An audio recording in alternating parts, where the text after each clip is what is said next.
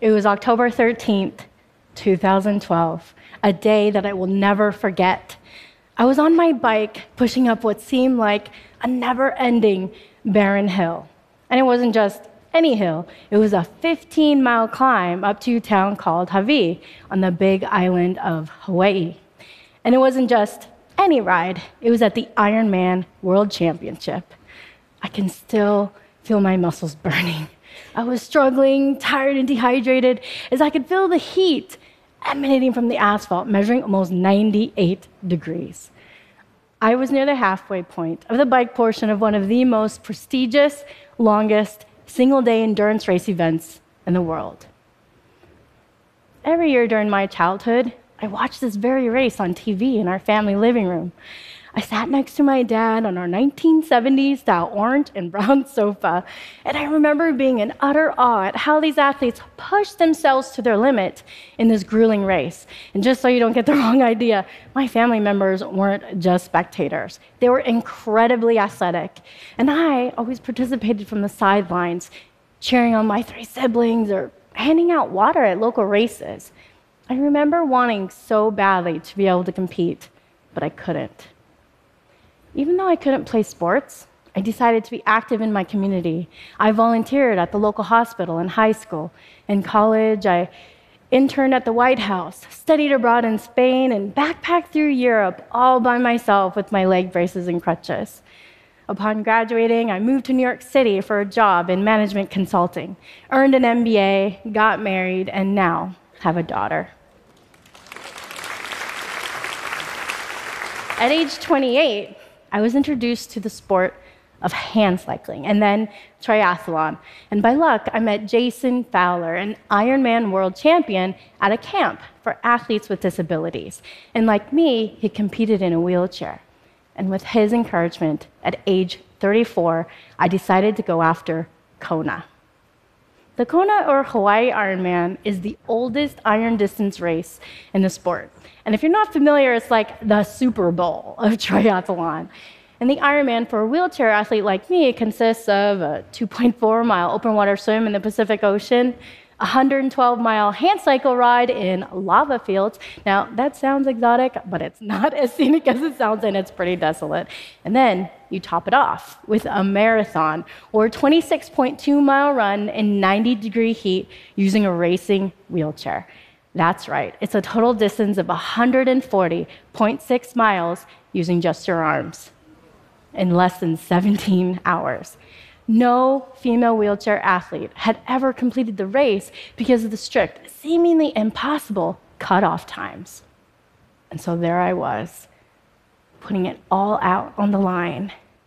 And when I finally reached the top of that 15 mile climb, I was discouraged.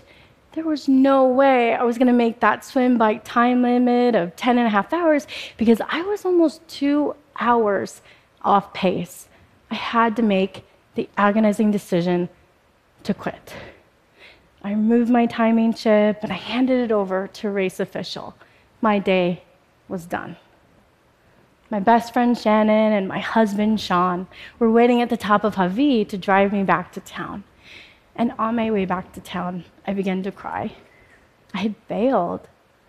My dream of completing the Ironman World Championship was crushed. I was embarrassed. I felt like I'd messed up. I worried about what my friends, my family, and people at work would think of me. What was I going to put on Facebook?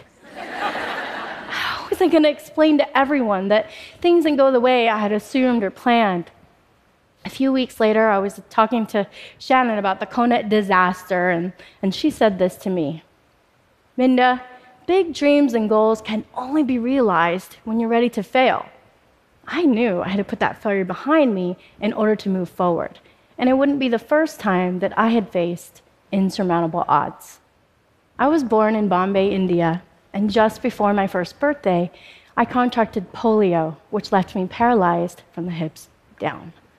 Unable to care for me, my birth mother left me at an orphanage. Fortunately, I was adopted by an American family and I moved to Spokane, Washington just shortly after my third birthday. Over the next few years, I underwent a series of surgeries on my hips, my legs, and my back that allowed me to walk with leg braces and crutches. As a child, I struggled with my disability.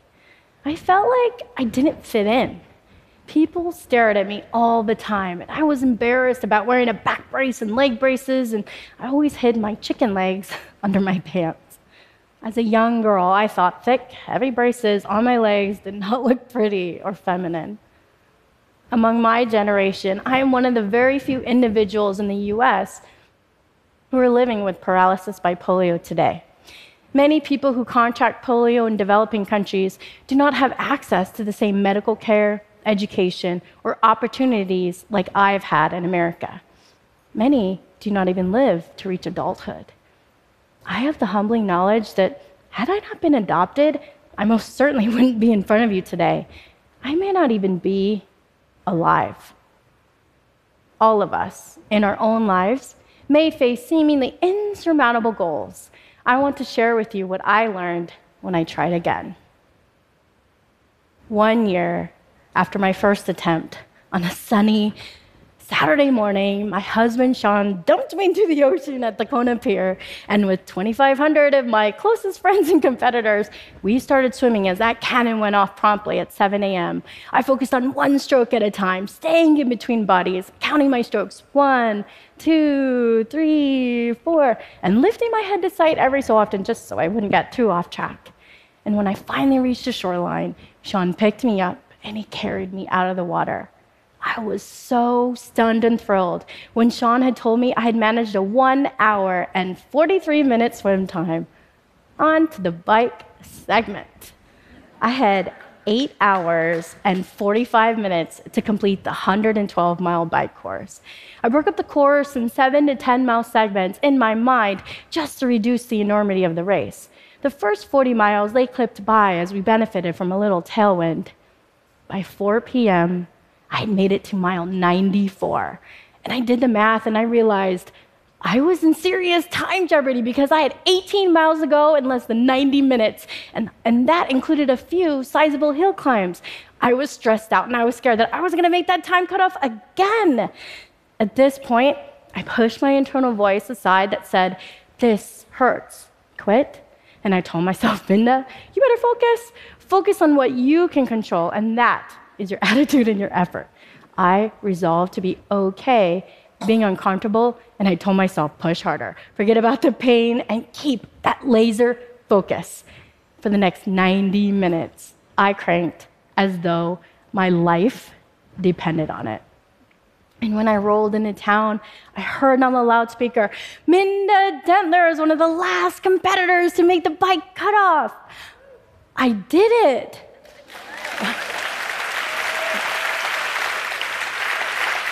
By only three minutes. It was 5:27 p.m. and I have been racing for 10 and a half hours.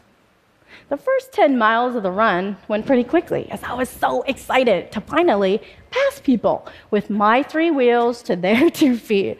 The sun quickly went down and I found myself pulling up to the bottom of Palani Hill, looking straight into a half mile hill that looked like Mount Everest at mile 124 of the race. My friends and family were ready at their stations to talk me up that hill. I was struggling, tired, desperately gripping those rims just so I wouldn't tip backwards. When I finally reached the top of that hill, I turned left onto a very lonely 15 mile stretch onto the Queen K highway. Totally exhausted, I pressed on, focusing on one push at a time. By 9:30 p.m., I made that final right-hand turn onto Alii Drive. I heard the crowds roar and I was overcome with emotion. I crossed that finish line. And my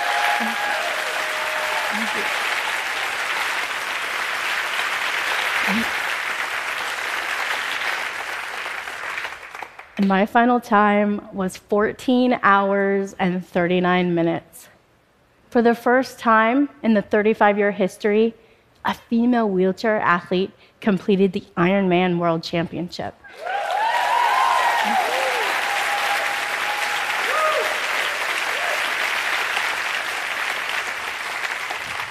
And it wasn't just any female athlete, it was me, a paralyzed orphan from India. Against all odds, I achieved my dream. And through this very personal commitment to myself, I slowly realized that completing the Ironman was about more than conquering Kona. It was about conquering polio and other disabling but preventable diseases, not only for myself, but for the millions of children who have been and still will be afflicted by vaccine preventable diseases. Today, we are closer than ever to eliminating one of those diseases everywhere in the world. In the mid 1980s, polio once paralyzed more than 350,000 children a year in more than 125 countries. That amounted to a staggering 40 cases an hour. By contrast, so far this year, the last endemic countries have reported a total of only 12 cases. Since 1988, more than 2.5 billion children have been immunized against polio, and an estimated 16 million children who otherwise would have been paralyzed like me are walking. Despite this incredible progress, we know that until it's eradicated, polio remains a very real threat, especially to children in the poorest communities of the world. It can reemerge in some of the most remote and dangerous places, and from there, it can spread. And so, this is my new Iron Man to end polio. And I am reminded every day when I look at my two and a half year old daughter, Maya. She is able to climb a ladder in the park, push her scooter, or kick a ball across the grass.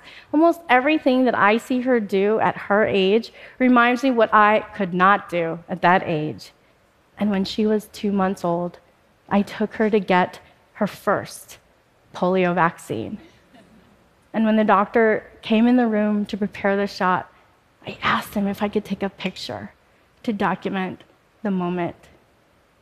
When we left the room, I could feel my eyes welling up with tears. I cried the entire way home. It was in that moment that I realized that my daughter's life would be very different from mine. She will never be faced with the crippling disability of polio because a vaccine was available and I chose to get her immunized. She can do anything she wants, as can each of you. Now, I'd like to leave you all with one question What is your Iron Man? Thank you.